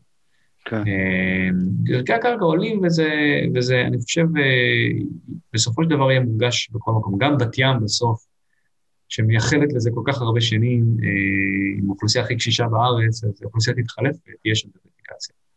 אמ, אז אני, אז אני גם לא... ג'נדריפיקציה זה לא מילה גסה. יש חילופי אוכלוסייה פשוט, יש לפעמים גם חילופי אוכלוסייה שהם, קורים מעצמם. אני כן חושב שברמת המיקרו, בדייר הבודד, הפרויקטים האלה יכולים להיות מאוד הרסניים. אה, יש הרבה מחקרים, במיוחד באנגליה אגב, על מה קורה לדייר, uh, לבן אדם מבוגר, מעל גיל מסוים שמוצאים אותו מהבית שלו, יש לזה משמעויות של פגיעה קוגניטיבית, של פגיעה בעצמאות, זה דברים דרמטיים, והיום מתייחסים לזה בארץ, כאילו לא, אז ניתן לו עוד הטבה, ניתן לו עוד, ניתן לו לקנות דירה במקום אחר, זה לא משנה, אתה מוציא בן אדם מהבית שלו בגיל 70-80, אתה אה, מגדיל בצורה משמעותית את הסיכון שלו להיפגע. אה, ואתה פוגע לו באיכות החיים, גם אם אתה מביא אותו לדירה הכי טובה בעולם. אה, כי ככה המוח האנושי עובד, כן? ושם אני בטוח שיש פגיעה, ואני בטוח שיש פגיעה במקומות שבהם באמת האוכלוסייה החלשה ביותר נזקקת לשכנים שלה בצורה שאולי אני ואתה אה, לא חווים את זה.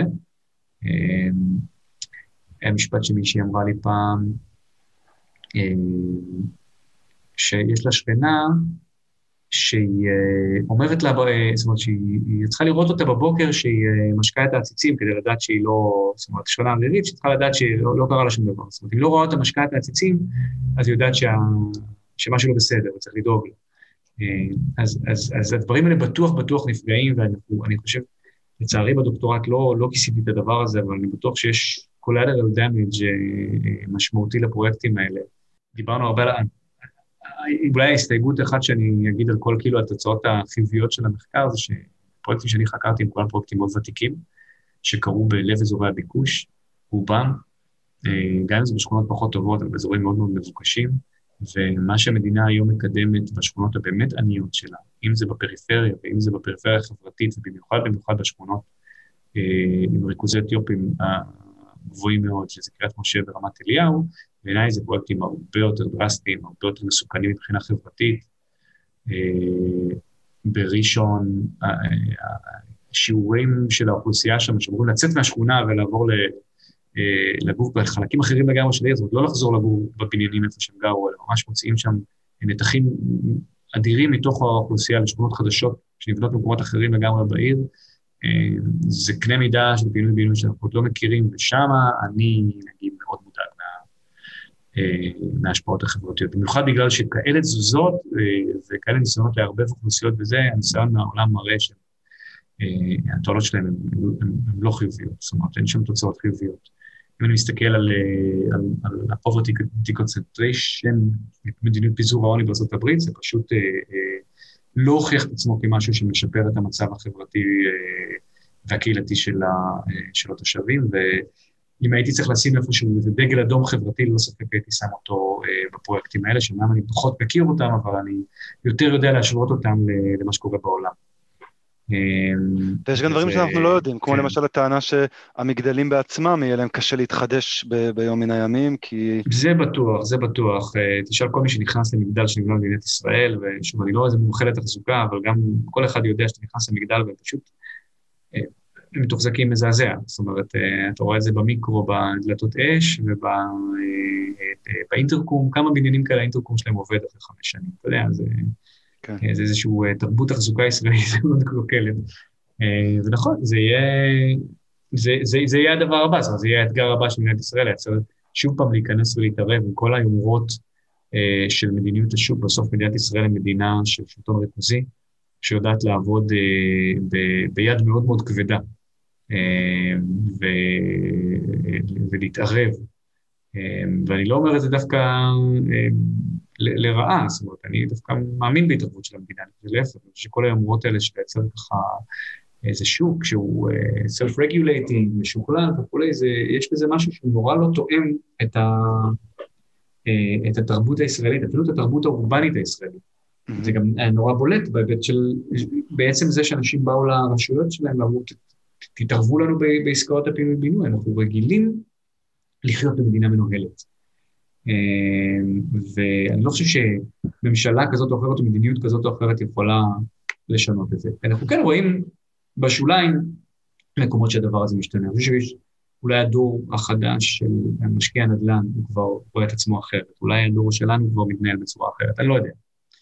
אבל אה, זה ככה זה היה, ללא ספק בשנים, בעשורים האחרונים. יש גם כאילו את הסיפור הזה שכאילו אוקיי, שוק זה דבר מאוד טוב, הוא באמת יכול לעבוד מאוד מאוד טוב, כשהסחורות הן קלאסיות, אבל כשמדובר על, mm-hmm. על אה, קרקע, על, אה, על דירות, שזה גם זכות יסוד של בן אדם, של הדירה שלו וזה, יש כאן המון המון המון כשלים, בשביל זה צריך תכנון. והיכול, והפינוי-בינוי, לי לפעמים נראה שזה אחד הגורמים שהוא דוחף לכיוון איזושהי הפרטה של, מהמערכת התכנון כולה.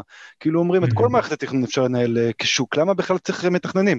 למה לא לתת לזה לקרות? זה עבד מעולה במאה ה-18, למה בכלל צריך כן. מתכננים? פשוט לתת לכסף לדבר. כן, אז, אז הדבר הראשון שאני יכול להגיד זה באמת דיבורים אה, לחוד ומעשים לחוד. המדינה אומרת, אנחנו נעשה ואני חושב שרואים את זה בהרבה היבטים בתכנון, אומרים נעשה שוק חופשי ונעשה תחרות ונעשה את זה, בסוף המדינה אוהבת להיות ריכוזית, ולנהל את הדברים באופן ריכוזי, והרגולציה תמיד אה, אה, מרימה את ראשה. במקרה הזה דווקא ראשה חיובי, כן? אני, אני בעד אה, שהתהליכים האלה מנוהל, יהיו מנוהלים, אני להפך, אני חושב, נשאל אותי ברמה, ברמת דעתי האישית, אני חושב שהמדינה צריכה להיות יותר מעורבת בפרויקטים האלה. אני חושב שהיא צריכה אה, אה, גם להיכנס כ... אה, כבעלת נכסים, זאת אומרת, לחשוב על עצמה כשחקן, במקום לשלוח את, ה, את השוק להתנהל אה, בעצמו, לחשוב על עצמה כשחקן שוק יותר משוקלל, שממנף את הנכסים שלו לטובת כל השיקולים שמדינה צריכה לקדם, אם זה דיור בר השגה, ואם זה דיור ציבורי, פיתוח תשתיות וכולי, דיברתם פה בפודקאסט על, על הפיתוח סביב תחנות הרכבת, אז, אז הדברים נורא קשורים, זאת אומרת, כל, כל הידע והמנגנונים שצמחו בפינוי-בינוי, אוטוטו יהיו מאוד רלוונטיים לפיתוח, אה, לאותו ציפוף שמתוכנן סביב תחנות המטרו mm-hmm. אה, בגוש דן. למעשה זה כבר התחיל לקרות, אני לא יודע אם אתה יודע, אבל יש פרויקט פינוי-בינוי שאושר במהירות שיא, אני לא זוכר את הנתונים, אבל בחולון, אה, היה, היו צריכים להוריד איזה שישה בניינים כדי לבנות את הקו הירוק. Mm-hmm. והמדינה אמרה, אנחנו ניכנס לזה ברבק, ועשו שם איזה תהליך סופר מהיר עם הדיירים, הציעו להם, אני לא יודע בדיוק אה, אה, פה מדבר רק מזיכרון, אבל אה, הצליחו בעצם לקדם פרויקט פינוי-בינוי עצום שמטרתו לפנות שטח לקו הירוק. וזה קצה חולון, בסדר? בהרבה מובנים זה הרבה יותר קל מלעשות את זה בגבעתיים או ברמת השרון או בתל אביב, כי, כי ככל שאתה נכנס קרוב יותר למרכז, ככה אנשים רואים את הדברים יותר כמשקיעים ופחות כדיירים. אבל הידע שנצבר באיך לבנות הסכמות, באיך לנהל ציפוף, ואיך אה, אה, לחשוב בכלל על תמורות שהן גם תועלות, תועלות כלכליות וגם תועלות חברתיות ופיזיות. אה, הידע נצבר בפינוי-בינוי, ומה שחסר שם זה חשיבה של הרשויות, אה, איך הן ממקסימות את הערך עבור עצמן. סבבה שאנחנו מאפשרים תמורות לדיירים, זה, זה דבר טוב, זה גם, אה, אין לי בעיה עקרונית עם זה שיזם, הוא רוצה להרוויח, וכל הכבוד לו שהוא רוצה להרוויח, ובוודאי אם המדינה מציעה לו להרוויח, מה, רע, כן? אה, בטח שאין לי טענות לרצון הזה שלו. אני כן חושב שהיום המדינה בעצם, אולי לא אמרתי את זה, אבל בעצם הרבה מהרשויות המקומיות שואפות להיכנס כיזמיות במובן מסוים בעצמן בפרויקטים של פינוי-בינוי. אומנם הן לא בונות, לא משווקות את הפרויקטים, אבל הן נכנסות כמעין מתווכות ביניים, בעצם לוקחות אה, פרויקט, עושות את כל ארגון הדיירים, מקדמות את התב"ע, המנהלות אה, להתחדשות עירונית, מקדמות את התב"ע אה, להתחדשות עירונית בעצמן, ואז עושות תהליך של bidding, עושות מכרז יזמים, אה, ומכניסות יזם שיבנה פרויקט שהוא גם על פניו ממקסם את הערך לדיירים, כי הם שותפים לתהליך התכנון, והם הם, הם בעצם אה, השותפים הראשונים בו, אה, אבל גם ממקסם את הערך ל, לרשות, כי היא בעצם מעורבת בכל שלבי התכנון, אה, ויכולה לדאוג אה, שהשליטה שלה על התוצר התכנוני הרבה יותר, אה, התוצר התכנוני הרבה יותר קרוב למה שהיא הייתה רוצה לראות באותה שכונה. תל אביב מאוד טובה בזה. עזרא וביצרון עם הזרוע שלה, שהיא בעצם המנהלת להתחדשות עירונית של תל אביב, אה, היא מאוד חזקה בזה, אני חושב שיש 12 פרויקטים, או מספר די מרשים של פרויקטים שמקדמים להם את התב"ע. ירושלים גם מנהלת חזקה שעושה את הדברים האלה, זה מסלול רשויות המשודרג בעצם. אה, חיפה לדוגמה לא מצליחה לעשות את זה, לא מצליחים אה, אה, להניע את התהליכים האלה למרות שהם מאוד רוצים, אני לא חושב. אני לא חושב שיש... יש... רמת דוד, סליחה, נווה דוד, נווה דוד מחכה כבר כמה שנים ולידה בנו, אבל כן, זה לא כן. קורה בינתיים. אבל לא, לא, לא הרשות כיזם, לא הרשות כמתווך, אלא ממש רק הרשות כמתכנן וכגורם חברתי. Mm. ואני אומר, למה לא לקחת את הדבר הזה ולהגדיל אותו? למה שלא... מדינת ישראל אפילו אה, תיכנס ותקנה דירות מ... אם אני משקיע היום, בסדר? בפרויקט התחדשות עירונית. בטח ובטח אם זה לא בלב תל אביב, ויש לי אינטרס להחזיק את הדירה הזאת גם לניני הנינים שלי, כן? אה, והמדינה היום אומרת, תראו, אנחנו, יש לנו מספיק ידע, אנחנו יודעים מה התשואה על פרויקט, אנחנו יודעים להסתכל אחורנית ולהגיד בדיוק פר מטר לכל מקום במדינת ישראל, אני לא כלכלן, אבל אני בטוח שאפשר לעשות את החישובים האלה. בסדר? מה תהיה התשואה לאורך זמן אה, מפרויקט כזה? בואו נעשה לכם buyout, עזבו אתכם עכשיו עשר שנים, יש לכם דירה מסריחה עם, אה, עם דליפות ובור ספיגה ואלוהים יודע מה, איפשהו בפתח תקווה, עזבו אתכם. תמכרו לנו את הדירה, תנו לנו להיכנס שותפים בפרויקט, או שרשויות ייכנסו עם הקרקע הציבורית שלהם, ייכנסו כשותף בעסקה, או לא משנה, למצוא איזושהי דרך שבה הרשות אה, אה, תיכנס כשותפה ממש אה, פעילה, וקצת תוציא את האלמנט של ההשקעה מהפרויקטים האלה. אה, הרי כל ההנחה היום היא שהפרויקטים מביאים תשואה, נכון? אז למה שהמדינה לא תחפש את התשואה הזאת גם לעצמה? המדינה לא צריכה לראות רווח של 25 אחוז כמו יזם, או 18 אחוז, אם תשאל יזמים עושים 18 אחוז, המדינה גם לא צריכה לראות 18 אחוז. היא לכל היותר, אם היא עושה פרויקט כזה, היא צריכה להחזיר את ההלוואה, צריכה להחזיר את האג"ח שהיא לקחה כדי להתחיל את הפרויקט. אה, ואת שאר הכסף פתאום יכולות להיווצר דירות לדיור בר השגה, יכולות יכולות להיווצר, אה, יכולים להיווצר שימושים אחרים. דיור ציבורי, הרי דיור רוצים, ציבורי, רוצים לא, שקונים, כן. למה שלא יבנו דיור ציבורי חדש, מודרני? אה, כן, על אחת כמה וכמה. זאת אומרת, המדינה יכולה להיכנס פה באלף ואחת צורות, אבל יש בעיה של מה שנקרא path dependency, זאת אומרת, אנחנו רגילים לעבוד באיזושהי שיטה מסוימת, בנינו כל כך הרבה פלונסאות על הדבר הזה של הפינוי בינוי, אני מזכיר שזה התחיל כאילו ככלי נורא פשוט, נכון, המדינה לא עושה כלום, היא נותנת זכויות ותפאדלו. אה, והמדינה בנתה עוד ועוד ועוד פיגומים על הדבר הזה, עוד ועוד אה, אה, תוספות.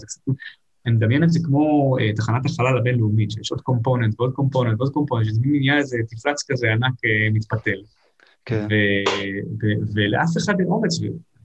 שוב, אולי גם לי, אם הייתי פקיד במשרד השיכון ובמשרד האוצר, לא היה לי את האומץ לעשות את הדבר הזה, לנוכח המכשולים האדירים שיש לאנשים בתפקיד שלהם. אבל, אבל בדוגרי, מה שאני חושב שצריך לעשות זה שהמדינה תתחיל להסתכל על פינוי-בינוי כעל פרויקט שאמור להשיא תשואה אה, לציבור, ולא כפרויקט שמציג תשואה לשותפים העסקיים שבו.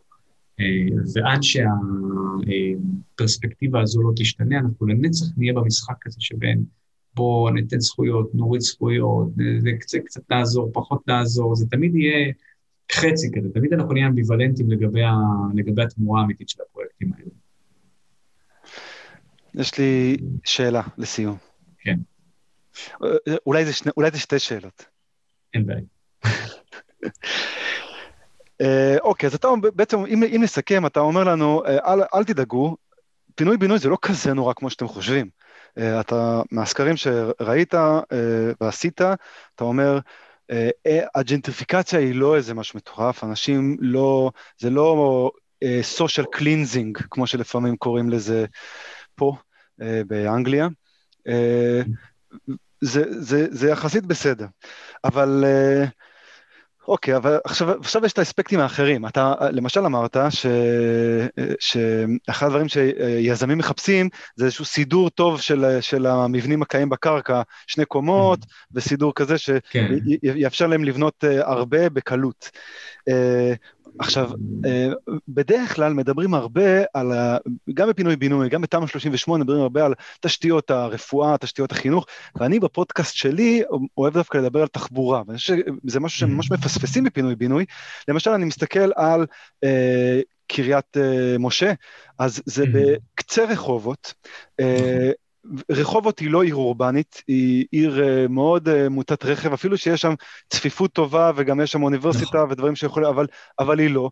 Uh, התחנת רכבת מקריית משה היא בקצה של כביש רחב, עם שלוש נתיבים לכל כיוון, שאין בו, שאף אחד אפילו לא חולם נכון. שם, לא על נת"צ ולא על שביל אופניים. שכונת קצה פרופר, כן. שכונת קצה פרופר, שרוצים להכפיל בה את כמות הדירות פי שש. מה, מה יהיה עם התחבורה, ואני עכשיו מחבר את זה כאן לשאלה השנייה שלי.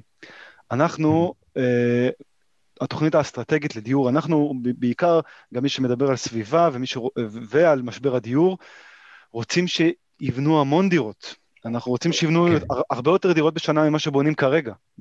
כן. בעצם, אנחנו רוצים לבנות המון דירות. Uh, התוכנית האסטרטגית לדיור מראה על בערך בין 60 ל-70 אלף דירות שצריכות uh, להיבנות בשנה, כשאנחנו על חצי מזה או פחות בשנים האחרונות. Mm-hmm. Uh, אז איך הדברים האלה מסתדרים ביחד, והאם אתה אופטימי? Mm-hmm. האם, האם זה יקרה? האם זה יקרה טוב?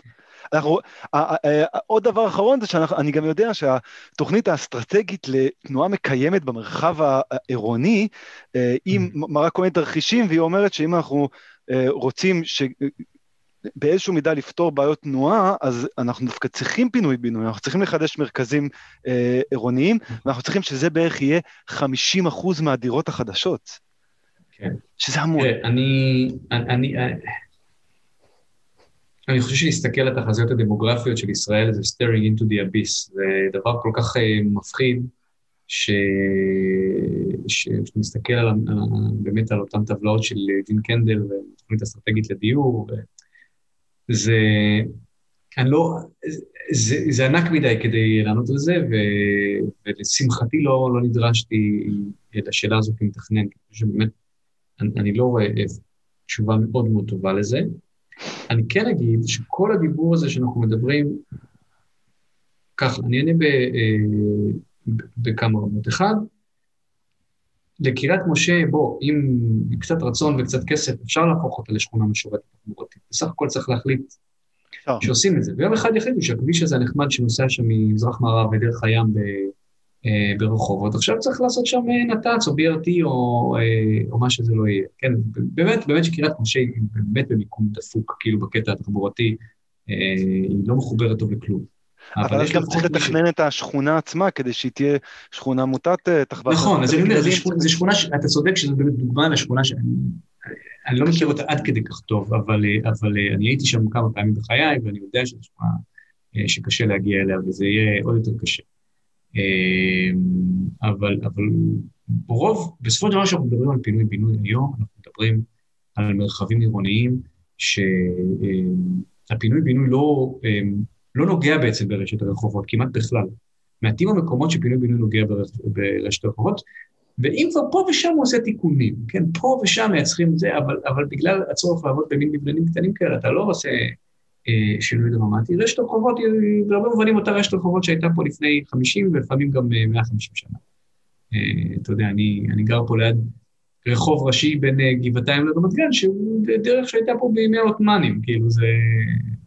הדברים, הדברים קיימים, ובסך הכל צריך להחליט, מי שצריך להחליט שדרך בן גוריון יעבור בה, לא זוכר איזה קו רצו להעביר בה, ויעבירו אותו. Mm-hmm. אז אה, אה, זה צד אחד. צד שני, זה שהוא, כשאנחנו מדברים על הצמיחה הדמוגרפית, עם כל הכבוד, אנחנו לא, לא דיברנו פה על כל האוכלוסייה שלא נכנסת תחת המטריה של פינוי-בינוי. קודם כל אוכלוסייה ערבית, מיליון פלוס תושבים במדינת ישראל, שרובם חיים במקומות שהם בכלל, שכל הדיבור על זה, על, על ציפוף ואיור וזה, הוא, הוא שונה לחלוטין. הוא, אני, אני לא, לא, לא יודע אם היה לך פרק על, על עירוניות ערבית, אבל עירוניות ביישובים ערביים. אבל... יהיה מתישהו. כן, אבל אינשאללה. אה, אתה יודע, זה שאלות שצריך לשאול אותי טירה וטייבה ומקומות כאלה, כי, כי, אה, כי, כי שם, שם יהיה, כבר שם יש מצוקת, מצוקת הדיור האמיתית נמצאת שם, לא דן. אה, בטוח לא בחיפה ובטוח לא בירושלים, היא נמצאת בירושלים המערבית, היא נמצאת כבר בירושלים המזרחית ובירושלים החרדית, והיא בטוח לא נמצאת בחיפה, אלא בתמרה ובשפרעם ובמונחים של ממש כמה אנשים יש, כמה יחידות דיור, אה, שם המצב הוא הרבה הרבה יותר קשה. אה, אז תשובות דמוגרפיות, אני חושב, הן במאקרו. פינוי-בינוי, בסופו של דבר, תראה, הוא מייצר עוד יחידות דיור בגוש דן. אה, שמעתי את השיחה שלך עם טל אנסטר ומאיה נשר, מדברים, כן, יש תוספת יחידות דיור משמעותית. היא לא משמעותית אבסולוטית, אבל התחדשות עירונית כן מייצרת באופן יחסי הרבה יחידות דיור בגוש דן, ואני כן חושב שבסך הכל זה בסדר. אני מקווה ומייחל שיתחילו לייצר אותם כדירות שהן יותר סוסטיינבל. אה, בנות קיימא, כן, המגדלים האלה שבונים בכל מקום. דאג אה, מזה, מזה שבונים אותם עם מרתפי חנייה, כי זה שאי אפשר לבנות גם בבת ים, אתה לא יכול לבנות אה, דירות עם תקן חנייה של פחות מאחד לאחד. זה, זה לא כל כך משנה, אני יותר מקווה שחושבים מה לעשות עם המרתפים האלה אחרי, ש, אחרי שאי אפשר יהיה להחזיק יותר רכב בבת ים, כן? אמ, אבל, אה, אבל ברור שכדאי להוסיף יחידות דיור בגוש דן, זה מקום ראוי. אה, הייתי רוצה לראות דירות שהן יותר אה, בנות השגה, שאין להן עלויות תחזוקה כל כך גבוהות, שיש חשיבה באמת על הממשק שלהן עם הרחוב ועם השכונה. אני, אני רוצה להגיד ש... אתה יודע, דיברנו קודם על הרווי ועל אנשים שמתכננים לייצר את ה... את ה... ההידרדרות ההדרגתית. בסך הכל, אתה יודע, כשאתה מדבר עם מתכננים, אה, אני חושב שבמקרה הרע הם אדישים, אבל הם, לא, הם בדרך כלל לא אנשים רשעים, כן? הם לא אנשים שהיו מנסים אה, להרע ולדחוק אה, בכוח, לפחות לא אנשים שנמצאים בעולמות ההתחדשות העירונית, אני שאתה פוגש בעיקר אנשים שבאמת שיש להם מחשבות על איך לייצר מרחב עירוני טוב, הם כל הזמן, כל הזמן תחת העול הזה של האילוצים. ואם אנחנו מדברים על חוקרים ביקורתיים מפורסמים, אז אורן יפתחאל, אולי החוקר הביקורתי החשוב ביותר אה, בתחום בגיאוגרפיה שיצא מישראל, אה, דיבר על ה-dark side of planning.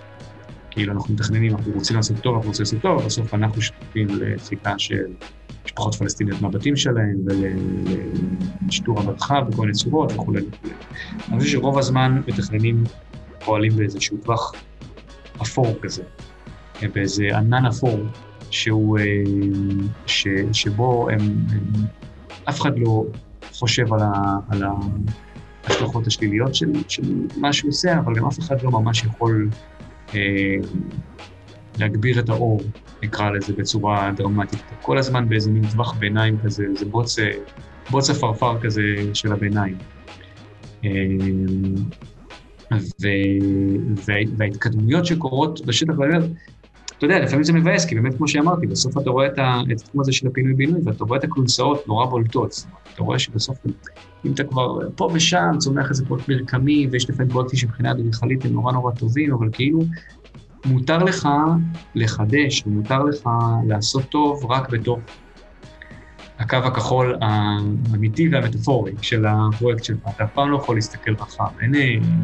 אין, לידרשיפ אה, אה, בהיבטים האלה, כמו שלדוגמה, אגב, להבדיל, בתחום התחבורה ובתחום החשיבה, נקרא לו האורבנית, בהיבטים שאתה באמת מדבר עליהם יותר בפודקאסט, קודם כל ראיינת חלק מהאנשים, יש אנשים ש-15-20 שנה מפמפמים, לרמן ויהודה רופא, ואנשים, והחבר'ה במרחב, אה, והחבר'ה של, של האופניים, שהם מתאבדים על הסיפור הזה כבר 20 שנה, והיום זה במיינסטרים, פתאום, בבת אחת, תוך שנתיים זה נהיה במיינסטרים, וזה מדהים לראות את זה. אה, אני, אני תוהה מתי נתחיל לראות את הדבר הזה גם בהיבט של, של דיור. כאילו עכשיו אנחנו קצת רואים את זה עם שכירות וזה, מתי נתחיל לדבר על, אה, על, על דיור ציבורי כאופציה, על בעלות של נכסים ציבורית כאופציה, לא יודע. כן, אולי, אולי אני הייתי צריך להיות הבן אדם הזה, אבל הלכתי וכתבתי דוקטורט, אתה יודע, זה מה שקרה. יש לך עוד זמן, יש לך עוד זמן. לא הבנתי, אבל ערב יציאתך, ל... ערב יציאתך לקנדה אולי, לא הבנתי אם אתה כן. אופטימי או לא, אם אתה משאיר, אה, משאיר עולם אה, אופטימי או לא אופטימי. תראה, קשה להיות אופטימי, אני חושב, במדינת ישראל אה, אחרי השנה האחרונה, נכון, שכאילו, שינוי פוליטי גדול וזה, אבל לי היה מאוד קשה לראות את, את לוד ואת עכו ואת כל הערים האלה שהם כאילו אני סופר רגע בנושא השיחה שלנו, כן, אבל בתור מי שהתעסק כל כך הרבה בהתחדשות עירונית ועבודה קהילתית וזה, הרבה פעמים הערים המעורבות הן במרכז, ויצא לי לעבוד בלוד על פרויקטים, ויצא לי לעבוד בשכונת חליסה בחיפה על פרויקטים, כמובן בירושלים, ו... ויש איזו הרגשה שהנה אנחנו משפרים את העיר ואנחנו מייצרים אורבניזם טוב, ובלוד יש תוכניות התחדשות מהממות שאלי דרמן ומשרד שלו תכננו שם. אה, נורא יפים, באמת, אה, אוטופיה. אה, ומשהו שאני מבחינה אורבנית חותמים עליו. פתאום באה המציאות ונותנת לך את הכאפה החזקה הזאת, ואתה... אני שמעתי סיפור כאילו- בחיפה גם, אנשים התאכזבו, כן. כאילו, מין סיפור של אכזבה. כן, וגם אנחנו כמתכננים, פתאום אתה אומר, במה אנחנו מתעסקים? כאילו, בחתך הרחובות, וה... אתה יודע, אתה שואל אותי אם אני אופטימי, אני, אני, אני, אני, מאמין, אני מאמין באנשים הטובים שיש פה, אני... מערכת היחסים שלי עם המדינה עצמה היא, אה, היא מורכבת כרגע, אבל אני מנסה לכמה שנים, אולי געגועים, אה, אתה יודע, יעשו את שלהם. לגמרי. אה, זהו. טוב. לקחת אותי למקום אפל.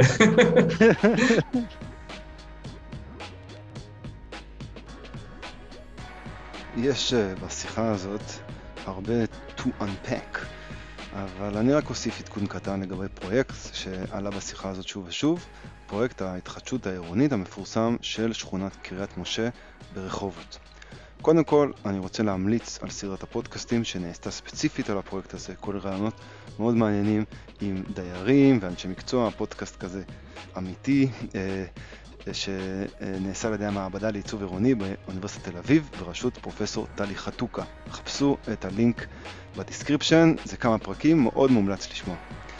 העדכונים, זה נעשה ב-2017, העדכונים האחרונים מהפרויקט אה, זה שבשנת 2019 אושרה תוכנית כוללת לפינוי-בינוי בכל השכונה במסגרת הוותמ"ל, כן כן זה אותו ותמ"ל שנדבר עליו בהרחבה בשיחה הבאה, שעכשיו גם התחיל לתכנן אה, התחדשויות עירוניות.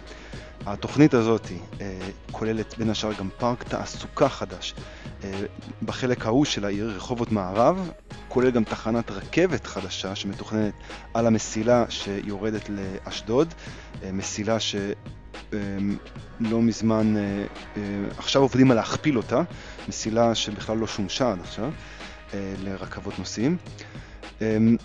אה, והתוכנית משאירה את היחס שדיברנו עליו של 1 ל-6, 6 דירות חדשות על כל דירה שנהרסת, אבל מכיוון שמדובר בכל כך הרבה דירות, אז כדי שהפרויקט יצא לדרך, המדינה גם מכרה בהנחה משמעותית קרקע חקלאית צמודה לשכונה, והיא נותנת עליה זכויות בנייה נוספות. אה, כל זה כדי שיהיה ליזמים את הרווחיות שהם צריכים בשביל אה, לבנות. עכשיו הפרויקט הזה שוב היה נחשב תקוע עד לא מזמן, בעיקר בגלל התקיעות הפוליטית שהייתה עד לא מזמן, ועכשיו יש ממשלה חדשה, הדברים מתניעים מחדש.